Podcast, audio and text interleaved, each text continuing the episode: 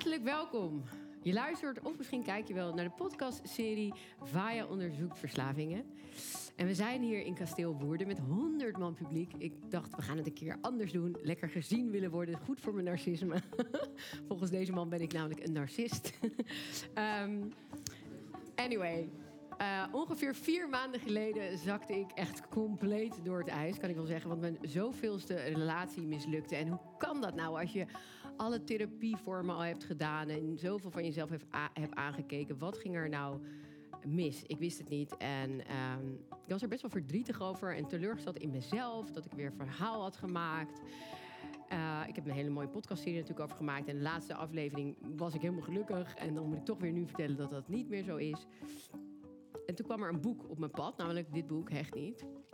Uh, en dit boek heb ik echt in één ruk uitgelezen. En ik dacht eerst de hele tijd: dit gaat over Max, dit gaat over Max, dit gaat over Max, dit gaat over Max. En toen dacht ik: oh nee, het gaat over mij. Je bent vol aan het projecteren, Fai.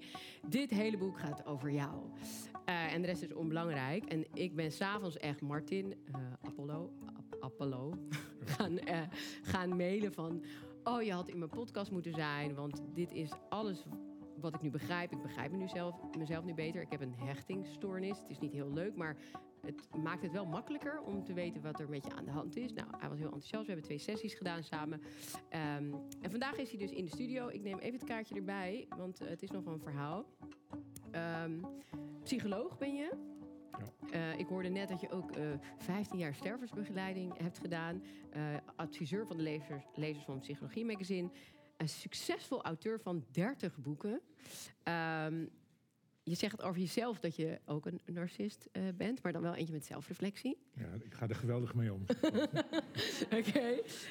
Um, um, ik weet nog dat wij de sessie deden en je stelde je voor... ik ben hartstikke gestoord. Dat is ook super grappig. Uh, dus je, je, stelt je voor als een gestoorde narcist. Um, je bent wel een charismatische verschijning. Uh, je hebt heel veel impact op mij gemaakt. En ik uh, ben je super dankbaar voor het feit dat ik nu weet wie mijn ijskoningin is. En uh, daar gaan we het allemaal straks over hebben. Hart, hartelijk welkom. Uh, ik ben blij dat je er bent. Dankjewel. Laten we bij het begin beginnen. Misschien wil jij iets over jezelf vertellen. Ja, nou, ik ben dus uh, Martin Appelo en ik ben 61 jaar. En ik heb twee dochters en een vriendin en een hond. En ik woon in Noord-Groningen, vlak bij de Waddenzee. En uh, ja, ik ben eigenlijk expert in mislukking, zou je kunnen zeggen. ik, um, tot nu toe alles in mijn leven, wat ik, ik heb heel veel aangepakt en bijna alles is mislukt. En uh, daar ben ik vooral over gaan studeren van hoe kan het nou dat dingen bij mensen zoals ik, die toch super intelligent en behoorlijk briljant zijn, dan toch, toch mislukken. en, uh, ja. ja, daar ben ik dan, heb ik mijn expertise van gemaakt. Ja. ja, want ik zie hier een hele uh, stapel met boeken liggen. Red uh -huh. de Alpha-wolf. Ja, Red de Alpha-wolf gaat over leiderschap. Dat Nederland wordt geregeerd door softe leiders... die uh, geen beslissingen durven te nemen. Dus er is een groot gebrek aan alpha-wolven in, in het Nederlandse management. En daar gaat dit boek over. Hoe je de alpha-wolf in jezelf kunt mobiliseren. Oké. Okay. Ja. En dan hebben we de spiegel... Voor narcisten. Ja, over wie gaat dat boek? Ja, dat, dat, boek gaat over, eigenlijk over mezelf. Eigenlijk gaat heel veel van wat ik schrijf over mezelf. Dat is ook een onderdeel van narcisme natuurlijk. um, maar in dat boek uh, beschrijf ik het verhaal van Pim Fortuyn en Zlatan Ibrahimovic en Steve Jobs en uh, Nina Brink en um, hoe heet ze? Um, die politica die nu in, in Brussel zit. Oh ja, Nelly Smit-Kroes. En die, die verhalen gebruik ik om, om narcisme te illustreren. Ik zeg natuurlijk niet dat zij narcistisch zijn, maar wel dat er uh, in hun leven veel narcisme voorkomt. En ik probeer met dat boek mensen die uh, uh, met narcisme te maken hebben, een spiegel voor te houden. Het is, een, het is volgens mij het enige boek wat vriendelijk over narcisme schrijft. dat is logisch, want je bent er zelf Omdat ik er zelf ook in ben. en ja, door dat boek ben ik eigenlijk nu fulltime bezig met het behandelen van mensen die of last hebben van narcisten om mee te leven, of zelf narcistisch zijn. Oké. Ja. Nou, ik heb je vandaag Zo uitgenodigd. kwam jij ook op mijn pad. Ja.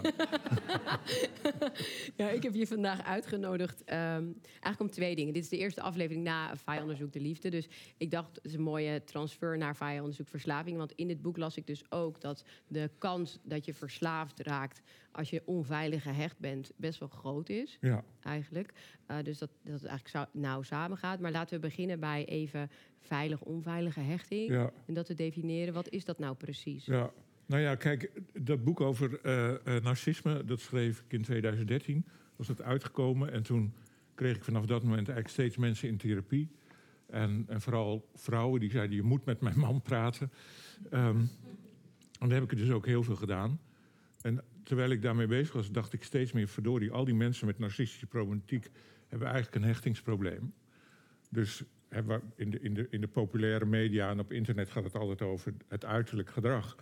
Maar ik interesseerde me steeds meer voor de achtergrond daarvan. En ik kwam erachter van al die mensen met narcistische problematiek lijden aan hechtingsstoornissen. En dus ben ik me ook in hechting gaan verdiepen. En heb ik dat boek over hechting geschreven. En nu krijg ik ineens allemaal mensen met hechtingsproblematiek die geen narcist zijn. Eh, maar goed, dat eh, houdt, houdt me bezig. Maar eh, ja, die hechting, over het algemeen eh, zeggen we dat kinderen, hè, of, of hondjes of katjes, als die worden geboren, die moeten in een omgeving opgroeien waarin ze veilig zijn, waarin ze oersoep krijgen, zo noem ik het. En die oersoep die bestaat uit validering.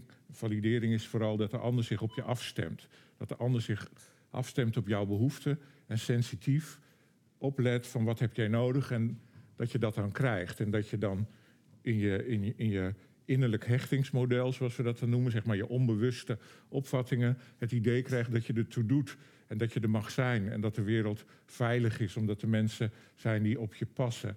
En als dat een innerlijke onbewuste cognitie wordt, een kernovertuiging, ik mag er zijn, ik ben veilig, de ander is er voor mij. En als het misgaat, dan eh, weet ik waar ik naartoe, dan, eh, kan, dan, dan raak je veilig gehecht. En dat is gelukkig wat bij de meeste mensen gebeurt. Hoeveel procent is dat? Ongeveer 65% van de wereldbevolking is veilig gehecht. En de andere 35% is onveilig gehecht. En die valt weer uiteen in drie vormen van onveilige hechting. En dan heb je als eerste, dat zijn de mensen die angstig gehecht zijn.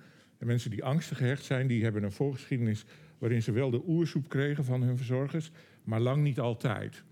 Dus ze wisten niet goed waar ze aan toe waren. De ene keer waren hun ouders of hun verzorgers er wel, de andere keer niet.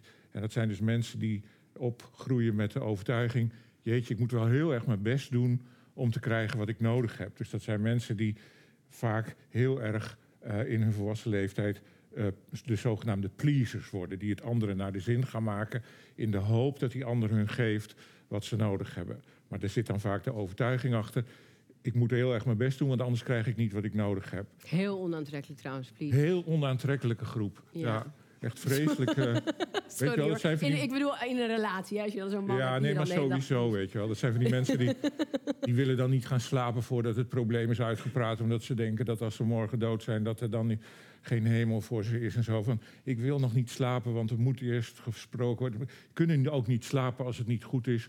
Want het moet, ze moeten eerst voelen dat het weer goed is. Hè. Dus dat is heel afhankelijk, een beetje claimend, vervelend gedrag vaak. Ik vind dat dan zo. En dan heb je de tweede ehm, on- onveilige hechte groep. Die angstgehechte mensen zijn ongeveer 10% van de wereldbevolking. Dan heb je, nee, 15%.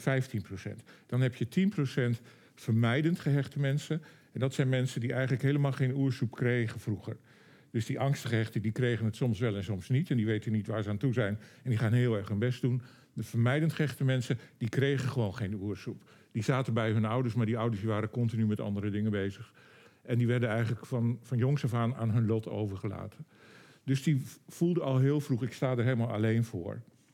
Dus die gingen zich al heel vroeg afzonderen van intimiteit. Hè. Vermijdende hechting slaat eigenlijk op het vermijden van intimiteit. En heel vroeg solistisch je eigen leven leiden.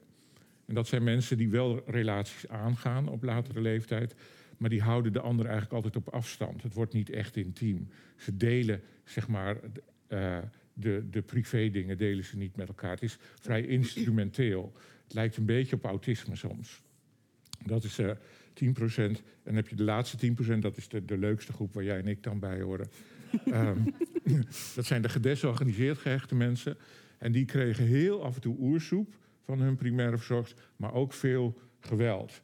Dus die kregen primaire verzorgers die af en toe aardig voor ze waren, maar ook heel vaak onaardig of gevaarlijk of crimineel of agressief. Ja, in, in, mijn geval was het dan het geweld. Uh, nou, het was wel een klein beetje uh, met mijn stiefvader, maar bij mij was het geweld op school. Dat heb ik ook in de documentaire van Koen gezien. Dus dan kan je thuis nog wel een soort van veiligheid hebben, hm. maar je kan op school wel in elkaar geslagen worden continu. Dan, dan kan je dus ook al deze hechting krijgen. Dat is een heel goed punt. Hè? Van, er zijn mensen die raken in eerste instantie veilig gehecht, omdat ze bij hun ouders of hun primaire verzorgers wel de oersoep krijgen die ze nodig hebben.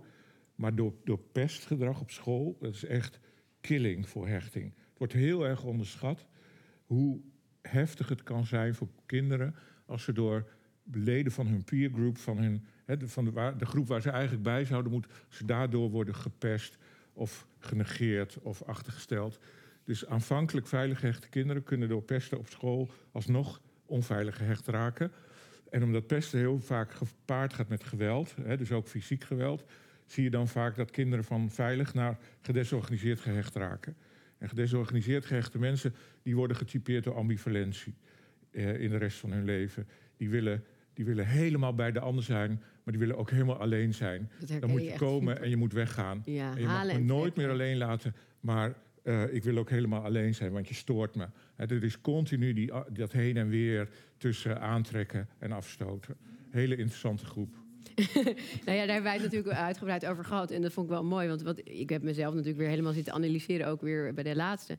Maar wat, uh, wat ik dus deed, en wat ik nog grappiger vind wat jij deed, is ik ging dan namen tatoeëren van mijn vriendjes. Ja. iedere keer opnieuw gewoon en dan weer weglezen. Ja. Maar um, dan, ergens, omdat je dan soort van denkt van dan ga ik niet weg of zo. Ik weet niet precies wat eronder lag. Ja, maar dat is dan, we zeggen dan psychologisch, is die symbiotische behoefte. Dat is de behoefte aan helemaal één zijn met iemand, wat je bij je primaire verzorgers eigenlijk bevredigd moet krijgen. Dat is een infantiele aseksuele behoefte. Dus die behoefte om er helemaal te mogen zijn, één te zijn met je, met je primaire verzorgers, dat noemen we de symbiotische behoefte. Die raakt gefrustreerd, dus die wordt niet bevredigd door de ouders. Dus je wordt heel vroeg autonoom, je moet heel vroeg het alleen doen. Dus terwijl de symbiotische behoefte nog gefrustreerd is, word je al gedwongen tot autonomie. Dus je wordt heel vroeg autonoom, maar dan ga je de puberteit in met een veel te vroeg ontwikkelde autonomie en een nog niet bevredigde symbiotische behoefte. En dan raakt die symbiotische behoefte, die raakt dan geseksualiseerd in de, in de puberteit. En dan vanaf dat moment ga je dus in seksuele relaties zoeken wat je bij je ouders niet kreeg.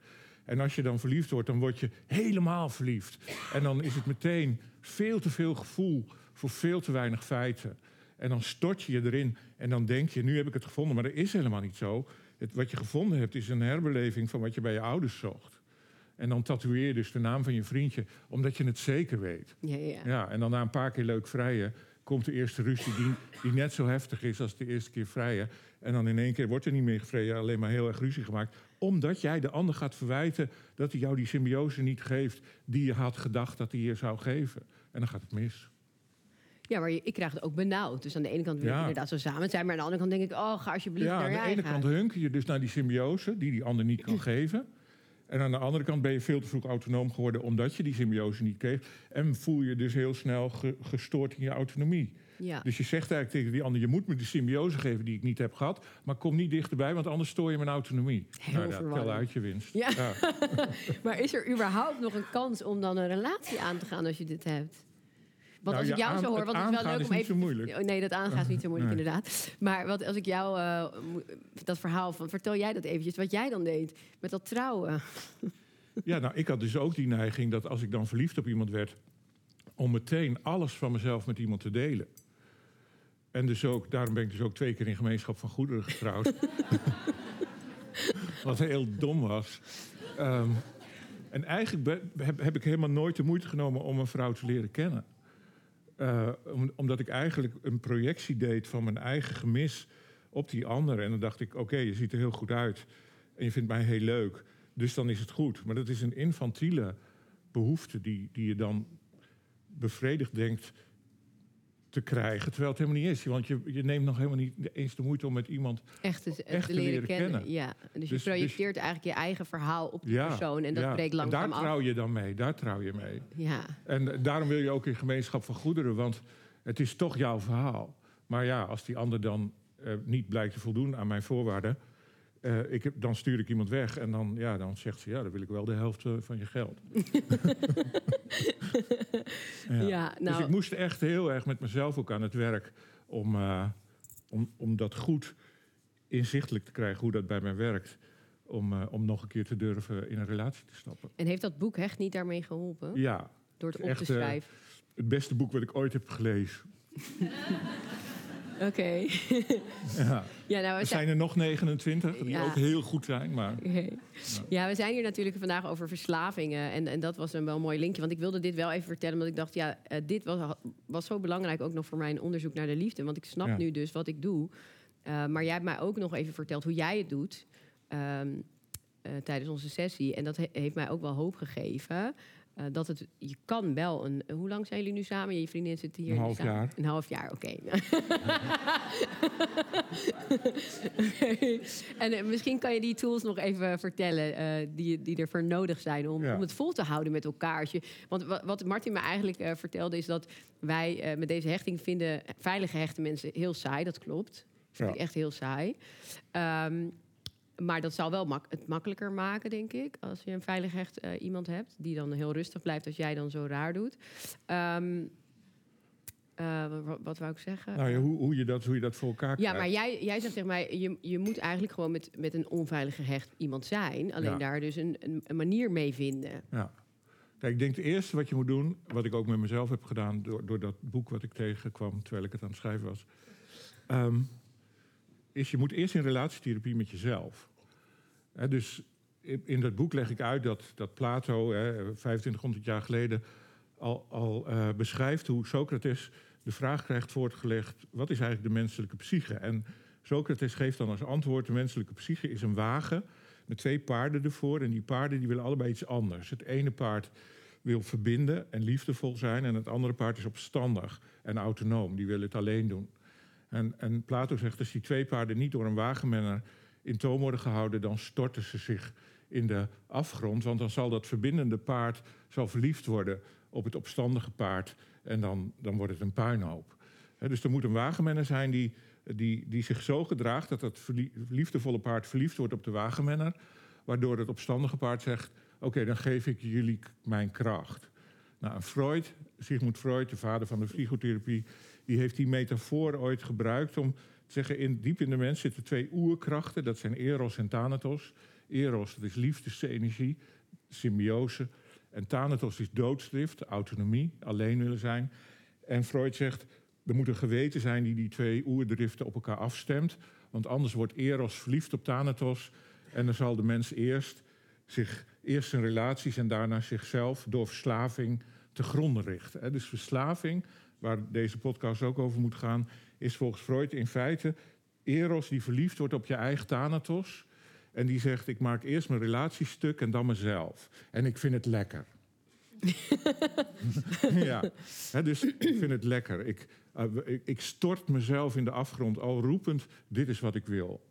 Dat is Eros die verliefd is geworden op Thanatos... terwijl er geen geweten is wat ingrijpt. Ja. Nou, en die drie compartimenten in jezelf... Eros, Thanatos en de wagenmenner, zo noem ik ze dan maar... Ja. Ja, daar moet je zelf eerst mee in therapie. Jij moet eerst leren, ik heb ook eerst moeten leren dat mijn Eros, mijn hunkerende jongetje, zoals ik hem dan noem, dat hij, dat hij niet meer verliefd wordt op mijn Thanatos, de narcist in mij. Lieve luisteraar, even een klein berichtje van mij tussendoor. Misschien is het je ontgaan of misschien heb je hem al. Ik heb een heel mooi nieuw boek geschreven, het Killer Mindset boek. In twaalf stappen de echtste versie van jezelf. Het is een boek waarin bewustwording absoluut centraal staat en ik ben er erg trots op. Maar wat misschien nog wel veel leuker is, is dat ik eind dit jaar in het theater sta met een Killer Mindset Tour. En dit wordt een interactieve tour, eh, talk eigenlijk, waarin jij centraal staat, muziek, dans, ademhalen, noem het maar op. Alles is aanwezig en ik hoop jou daar te zien. Je kunt de ticketlinks hier onder de podcast vinden. Die mensen op hun bek slaat omdat hij eigenlijk bang is. Ik, ik, heb, ik heb moeten leren om zeg maar die eros en thanatos met elkaar in, in balans te brengen voordat ik in een relatie kan stappen. Want anders verwacht ik ten eerste te veel van de ander. En neem ik niet de moeite om de ander te leren kennen. En ga ik vervolgens de ander verwijten dat ze me niet geeft wat ik helemaal niet van haar hoef te krijgen, maar van mijn ouders had moeten krijgen. Nou, en die weg, dat is, dat is, dat is het moeilijkste van, eh, om je hechtingsproblematiek. Maar dat is dus eigenlijk het bewuste ego die naar die twee kanten van jezelf kijkt. Ja. En daar ik zeg in altijd tegen mensen, gaat. ik ben met z'n drieën. Ja. ja, dat weet ik. dat dus heb ik van jou overgenomen. Ja, dus ik ben met z'n En weet je drieën. wat mannen dan zeggen? Oh, dat vind ik wel heel spannend. ja. ja, dit is, hetgeen, dat is een, eigenlijk een kwartrootje hè, de eerste keer. Ja. Nee, maar eh, dus eigenlijk gaat het erover. Dat, dat heb ik echt van jou geleerd. vind ik echt super mooi. Ik ben dat gaan analyseren. Welke kant heb ik nou? Hè? En ik heb dat boze innerlijke kind. Nou, dat is, die is echt destructief. Als die er mond open doet, dan, dan is het kanker, tyfus op mijn huis uit. En heel- Dus die wil ik eigenlijk nooit eh, tevoorschijn laten komen. Dus dan heb ik de ijskoningin. En die beschermt haar Ja. eigenlijk. En die zorgt ervoor dat zij niet komt. Dat zij wegblijft. Dat Ja. kleine boze meisje, zeg Ja. maar. Wat zo hard moest vechten voor haar bestaan. Ja. En die ijskoningin, ja, die, die heeft dan pijn als die gekwetst wordt. En die gaat dan in een hele grote ijstoren zitten. En eigenlijk komt ze daar gewoon niet meer uit. Nee. Tenzij je oprecht sorry zegt. Ja, maar Dan die ijskoningin is voor heel veel mannen super aantrekkelijk. Want die denken dan, oh, de Sphinx uit Egypte. Die, en die, die onneembare vesting, die ga ik veroveren. Ja, en het meisje in jou denkt dan van, nou, dan heb je weer zo'n padjakker. Hè, die, die weer met mooie woorden... En, en de ijskoningin gaat alleen maar extra dan in de verdediging. Bij mij is het, ik noem ze David en Goliath. David is het, is het verwaarloosde jongetje in mezelf. Die, die is mishandeld en misbruikt. En die eigenlijk bang is voor iedereen. Ook voor zichzelf. Maar Goliath is de narcist die hem is komen helpen. En die was er al heel snel. En dat is gewoon een hele agressieve, krachtige figuur. Die zegt, als je één stap dichterbij komt, dan sla ik je op je bek. En niet, niet per se fysiek, maar eh, met woorden kan hij het ook heel goed. Nou, dus Goliath die is David komen beschermen. En als ik dus Goliath niet weet ervan te overtuigen dat het ook wel een tandje minder kan. En als ik David er niet van weet te overtuigen dat hij niet zo bang meer hoeft te zijn, dan gaat het niet lukken in een relatie. En da- diegene die hem overtuigt, dat is je bewuste ego. Dat is de wagenmenner. Dat is de wagenmenner. Dus ja. die gaat dan kijken, hé, hey, eh, wat is er echt angst? Is er echt nu iets aan de hand? En die ga je met hun eigenlijk als voice dialogue zeg maar uithoren. Ja, ze zei, ik draag dan altijd een waterpasje bij me. En eh, in dat waterpasje, dat, in het, aan de linkerkant ben ik David. Het, het jongetje wat wantrouwt en, en niet gehecht is. Aan de andere kant ben ik Goliath, de, narcist, die ook niet hecht. Maar die David beschermt. En in het midden, dat is het moeilijkst, om dat, om dat in het midden te houden. Daar eh, ben ik de wagenmenner. Die snapt hoe bang David is. Die snapt hoe agressief Goliath is. Maar die zegt, jongens, het is niet meer nodig. Want we leven in het hier en nu. En, en wie kan dan liefde? Want in het boekje kwam ik er eigenlijk ook achter dat je niet echt kan eh, verbinden. Hè? Dat, dat, dat, dat, er, ja, dat is eigenlijk een soort van kapot bijna. En wie, wie, wie van die drie kan dan lief hebben en nog verbinding maken? Ja, dus, dus in wezen is het zo dat David zo eh, kapot gemaakt is dat hij de verbinding niet aandurft. En eh Goliath heeft heel vroeg geleerd van als je iedereen op afstand houdt, dan ben je veilig. Dus David durft niet en Goliath wil niet. En hoe ga je dan een relatie aan met zo'n prachtige vrouw die hier in de zaal zit? Ja, nou, nou, het, het belangrijkste is, is dat het niet mijn verdienste is. Van, als je een narcist bent, zoals ik, dan verdraag je het niet als mensen beginnen te zeggen van... jij doet het fout. Want dan schiet Goliath meteen in de verdediging. Hoezo doe ik het fout? Ik heb het godverdomme altijd te horen gekregen dat ik het fout deed. Dan moet je mij nu niet meer vertellen. Dat is wat er dan echt gebeurt in mij. Hè? Ik bedoel, ik zie nu dat je erop reageert. Dus ik heb nu gelukkig iemand getroffen die, als er spanning is, eerst naar haar eigen aandeel kijkt. Ja, en da- daar schrik ik dan van, want ik wil, ik wil het graag goed doen. Dus van schrik ga ik dan ook meteen naar mijn eigen aandeel kijken. Ik denk dat dat heel essentieel is. Dus om, om een relatie goed te kunnen laten gaan, moet je als, als hechtingsgestoorde moet je bereid zijn om nog een keer het risico te nemen dat, het misschien, dat je misschien een overlevingsstrategie aan het toepassen bent die je in je jeugd heeft geholpen om het vol te houden, maar die nu niet meer nodig is. En dat is het allermoeilijkste. Ja. Dus in het boek beschrijf ik dat van. Het is een beetje zo dat je, je wordt in de oorlog wordt je opgevoed en je weet zeker, dit ga ik niet overleven. Dus op een gegeven moment sla je op de vlucht en dan kom je bij een meertje waar een eilandje is in het midden. En dan vind je een bootje met allemaal munitie. En dat bootje, dat neem je, daarmee vaar je naar het eilandje. En met die munitie, dat doe je helemaal zo rondom het eiland. En als er dan iemand over het water naar je toe komt, schiet je hem dood. Dat is super veilig. Dan, dan, dan overleef je de oorlog en, en niemand kan je meer kwaad doen. En, en, en dat is narcisme. Het leven op een eiland en de ander niet meer als eh, lotgenoot of als niet meer. Het is geen ontmoeting, het is altijd een tegenligger.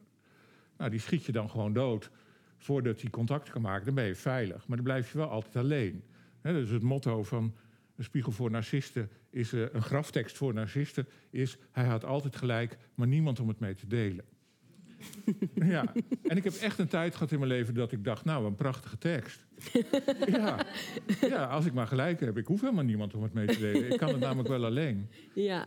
En, ehm, maar de therapie bestaat eruit dat je op een gegeven moment het risico neemt... dat iemand die de moeite neemt om ook naar het eilandje toe te komen... om, om het risico te nemen dat hij het goed met je voor heeft. Dus om te wachten tot zij dan in dit geval op het eiland is en zegt... hé, hey, hallo, zullen we samen spelen? Mhm. En dat je dus het risico neemt om iemand niet neer te schieten en om te realiseren: oh, wacht even, dit is mijn mechanisme. Wat ik gebruik omdat ik in wezen bang ben. Ja. Nou, dat is het mechanisme wat ik nu probeer te gebruiken en wat ook lukt. Maar wel bij iemand die zegt van... hé, hey, als er spanning is, kijk ik ook eerst naar mezelf. Ja. En gelukkig is zij ook super slecht gehecht, dus dat scheelt ook. Oké. Ja. Oké. Ja, duidelijk. Ehm, verslaving en hechting. ja. Kan jij, ja, ik heb natuurlijk eh, de introductieaflevering al gehad. Mensen hier weten wat er met mij aan de hand is. En dat ik eigenlijk altijd eh, stress reguleer met, met alcohol. Eh, eerder was het sporten, je kent het allemaal wel, we, we Ja. hebben gesproken. Maar wat is dat? En kan ik, kan, heb ik de kans om dat nog te veranderen? Ja, nou ja, ik begrijp je vraag. Ehm, kijk, als je, als je zo slecht gehecht bent als jij en ik, dan is het zo dat er biologisch gaat er van alles mis in je systeem. Dus er ontstaat een, waarschijnlijk een conditionering van een gebrek aan oxytocineproductie. Oxytocine is het hechtingshormoon. En die, dat moet vroeg gereguleerd worden, anders kan dat chronisch misgaan. En veel gedesorganiseerd gehechte mensen, dus die veel geweld hebben meegemaakt in hun jeugd, die hebben een tekort aan oxytocineproductie. Dus het knuffelhormoon of het hechtingshormoon is laag. Omdat is dat je de reden dat je dan iedere keer ook een nieuwe man zoekt? Nou, ik ben er nog niet. Oh. Eh, eh, dat is wel de reden dat je, dat je, dat je Dat je na één keer seks denkt dat je helemaal... eh, want dan heb je toch ook dat... Ja, dus het kan zijn dat je dan in intimiteit weer een oxytocinepiekje krijgt. Ja. Dat je dan een soort verslaving aan dat piekje krijgt. Ja, Maar het, het, feit dat je mishandeld bent of gepest bent, dat, eh, dat brengt met zich mee dat je al heel vroeg hebt geleerd: ik moet op mijn hoede zijn, ik moet goed scannen. Ik ben mishandeld en misbruikt door mensen die zeiden dat ze van me hielden. Dus ik denk continu: oeh, is er een potentiële dader in de zaal? En, eh, en dan hoek ik hem neer als narcist nu, hè, maar vroeger niet, toen was ik bang.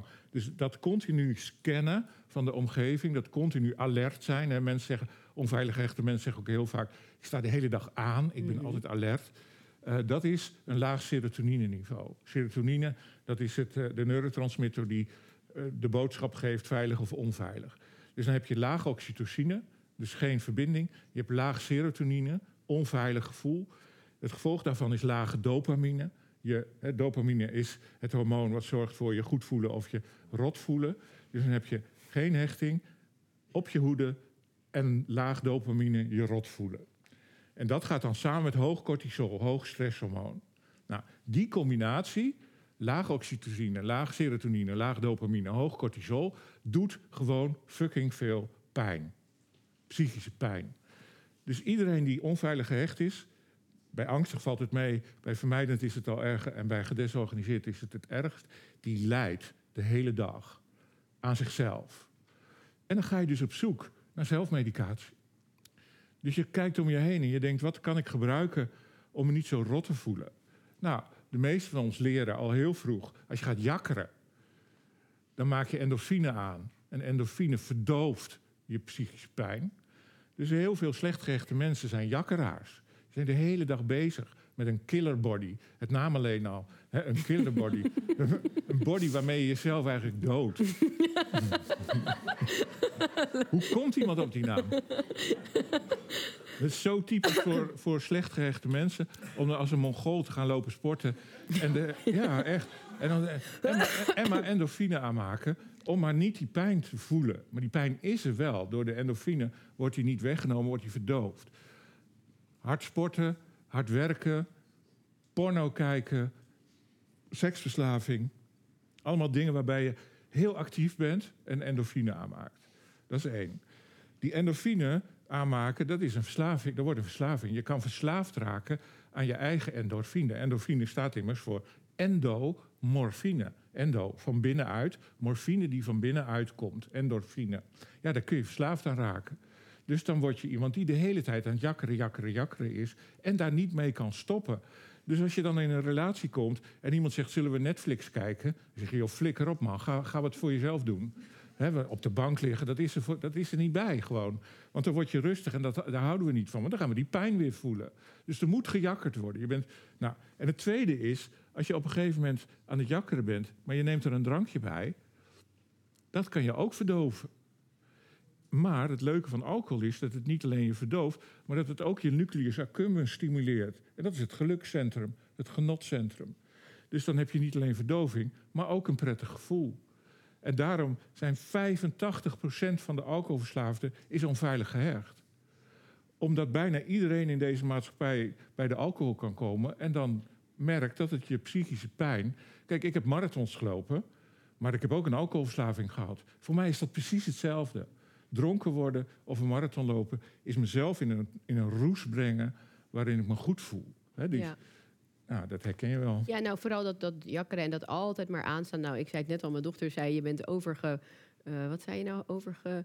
eh, motiveerd. Weet je, ik ben altijd bezig. Het maakt niet uit. Ik staan vijf Overdrive. op. Ja, ik ben altijd met, mijn huizen, tuin. Ja. En, en als ook met personeel denk ik, nou, doe het zelf allemaal wel. Weet Ja. je wel? Het, is, het, is, het gaat gewoon En altijd dan doe je het ook door. nog beter. dat vind je dan Bij wel. mij gaat dat wel. Nou ja ik, ik kan ook wel heel goed zien wat ik niet zo goed kan, hoor. Oké, nee, dat Maar- heb ik niet zo. Dat besteed ik dan liever uit. Maar ik herken het wel gewoon. Oh ja, ik herken wel dat. eh, maar kijk, ik hoorde het laatste kwartiertje ingaan. Maar ik herken het wel heel erg. En ik, ik, wat is dan de oplossing? Kijk, want laat ik wel vooropstellen dat het wel minder wordt bij mij. Dus ik kan al beter stress eh, reguleren met als ik met de paarden ben, als ik buiten ben. Ehm, maar er zijn ook gewoon dagen dat het echt heel, ja, gewoon veel is.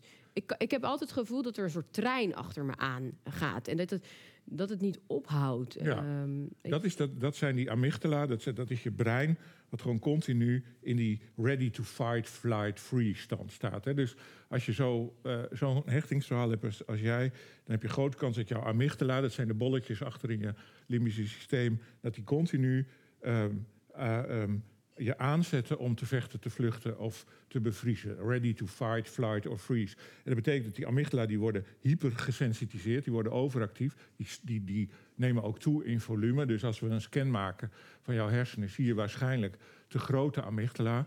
Nou, dan kun je twee dingen doen. Eh, ehm, als je hele duidelijke trauma's hebt, EMDR doen. Want EMDR helpt om de amygdala in volume te laten reduceren en om die fight, flight, freeze stand. Of een SSRI nemen, antidepressiva. Ik heb het met een SSRI gedaan. Dus mijn amygdala waren ongeveer 200% van het gemiddelde. Toen ik, eh, toen ik coma raakte op een gegeven moment tijdens een lezing. En ik echt niet meer verder kon. En anderhalf jaar in bed heb gelegen. Niks meer kon. En eh, toen ben ik aan een antidepressivum gegaan. En ze hebben mijn hoofd gescand. En om het half jaar gekeken hoe die SSRI's op mijn amygdala eh werkten. En die zijn, ho- ho- 100%, hè, die zijn nu 100%. Dus die Ja, zijn weer. van 200% Oh, ja. naar 100% gegaan. En dat betekent eh, eh, gewoon in mijn emotie, in mijn lijf, in mijn, in mijn gedrag... dat ik gewoon niet meer de hele dag in de fight stand schiet. Want bij mij was het dan fight, omdat ik ook een heel hoog testosteronniveau had. En dus als iemand mij maar een klein beetje irriteerde... bijvoorbeeld eh, dat ik op de snelweg word gebeld... eh, dat ik word hier verwacht, terwijl ik denk dat ik om kwart voor twee pas hoef te spreken. Ja, was ik normaal gesproken had ik hier eerst de tent afgebroken. en je secretaresse tegen de muur kapot geslagen. nou, en nu door die SSRI's denk ik gewoon, jeetje, wat vervelend. Ja. Oké, nou, helder. Nou, mooi verhaal. Maar dus eigenlijk EMDR En, Of een eh, antidepressieve. nou ja, daar ga ik echt niet aan beginnen. Ja, nou ja, wacht. je- het, hoeft voor mij ook niet. Ik bedoel, Ja. er zijn toch te veel mensen. Maar, en er is heel veel onderzoek. Er is nog heel veel onderzoek nodig hè, naar oxytocine. Wat, hè, want het is de oxytocine die waarschijnlijk laag is. We experimenteren nu in mijn vak met oxytocine spray. ehm, eh, hè, van om mensen meer geheugencapaciteit te geven en om ze meer te laten ontspannen. We, eh, eh, we experimenteren met S3's, maar we zijn ook heel druk aan het experimenteren met microdosing. Dus microdosing, psilocybines. Ja, dat, dat ben ik niet zo. Ik neem dan weer te veel. Dat, Ja, oké. ja. ik Microdosing, Ja, ja. niet Ik macrodosing. weet het, ik heb het afgelopen week geprobeerd voor de Oké, podcast. maar- dacht ik, dan ga ik niet drinken. Maar van microdosing is, is, is aangetoond inmiddels dat het ook Oh het ja? serotonineniveau op een goede manier aanpakt. Oh ja, Dus heel Oké, veel dat ga mensen ik dan die een hekel hebben aan antidepressiva. Weet je wel, dat zijn er van die lui die hun hele leven verslaafd zijn geweest aan alles. Maar ze willen geen antidepressiva. Inderdaad. Echt bizar, hè? Wauw, wat een aflevering. Hij kwam een klein beetje abrupt tot zijn einde, maar dat komt omdat we geen geluid in de zaal hadden. We hebben het opgenomen met 100 man publiek en die hebben ook vragen mogen stellen aan het einde van de podcast. Echter, doordat er geen geluid in de zaal was, konden we de vragen niet meenemen. Dit hebben we bij deel 2 van de opnames op de tweede dag natuurlijk verbeterd. Maar voor nu is de podcast dus een beetje abrupt tot zijn einde gekomen. Martin Appelo, ik kan niet uitleggen hoe dankbaar ik ben dat dat boek Hecht niet op mijn pad is gekomen. Het heeft zoveel verhelderd. Ik wist natuurlijk dat ik een hechting, onveilige hechting had. Ik wist niet dat ik gedesorganiseerde hechting had. Ik wist ook niet wat je dan precies deed als je dat had. Ik had natuurlijk wel het boek al van Hannah Kuppa gelezen, Liefdesbang, en daar herkende ik ook al heel veel in. Maar Martin geeft echt duidelijk de tools hoe je ermee omgaat. En niet de illusie, wek niet de illusie, laat ik het zo zeggen, dat je er vanaf komt. Want dit is gewoon wie je bent. En je moet je manier vinden om ermee om te gaan. En als je dus, hij leerde mij in de eerste sessie met hem eh, die persoonlijkheden die ik heb helemaal te analyseren en uit te schrijven. Zodat je ook weet wat ze nodig hebben. Wat heeft die ijskoningin nodig om uit haar ijstoren te komen? Wanneer smelt zij? Ja, als je er een knuffel geeft. Een oprechte, gemeende, eerlijke knuffel. Nou, dat innerlijke boze kind, wat heeft die nodig? Nou, dan moet je echt wegwezen. Maar je moet wel terugkomen. En zij is niet in staat om sorry te zeggen in haar boosheid. Dat ben ik wel zelf. Mijn, ja, mijn eh, bewuste ego is dat wel. En met die tools kan ik zoveel meer. En ik, ik verheug me gewoon op een relatie weer eigenlijk. met mijn liefdesverslaving. Om dit dan weer gaan, te gaan uitvinden. En met name die zin van, eh, die die zei van... Je symboliseert... ehm, eh, wat zei hij nou? De symbiose die je hebt gemist van je ouders, die seksualiseer je. En dat herken ik heel erg, ook al vanuit mijn jeugd. Ik was altijd wel op zoek naar iets in vriendjes. En ik heb heel veel werk al gedaan. En ik ben super dankbaar voor het werk wat ik heb gedaan. En dat ik het nu kan zien en dat ik het nu helder heb. En ik accepteer mezelf ook zoals ik ben. En ik ben echt rete blij met deze podcast. En dankbaar voor Martin Appello. Ik kan iedereen zijn boek aanraden die zit met dezelfde issues als ik. En ook als je dus een drugsding hebt of een alcoholding, dan is het zeker ook een aanrader om dit boek te lezen. Nou, ik hoop natuurlijk dat jullie je abonneren op eh, het kanaal, zodat je geen één aflevering mist. Er komen nog heel veel mooie afleveringen aan. We hebben negen fantastische podcasts opgenomen. Dit is de aftrap. Eh, ga genieten en laat me alsjeblieft weten wat je eraan hebt gehad. Lieve luisteraar, even een klein berichtje van mij tussendoor. Misschien is het je ontgaan of misschien heb je hem al. Ik heb een heel mooi nieuw boek geschreven, het Killer Mindset boek. In 12 stappen de echtste versie van jezelf. Het is een boek waarin bewustwording absoluut centraal staat en ik ben er erg trots op. Maar wat misschien nog wel veel leuker is, is dat ik eind dit jaar in het theater sta met een Killer Mindset Tour. En dit wordt een interactieve tour, eh, talk eigenlijk, waarin jij centraal staat, muziek, dans, ademhalen, noem het maar op. Alles is aanwezig en ik hoop jou daar te zien. Je kunt de ticketlinks hier onder de podcast vinden.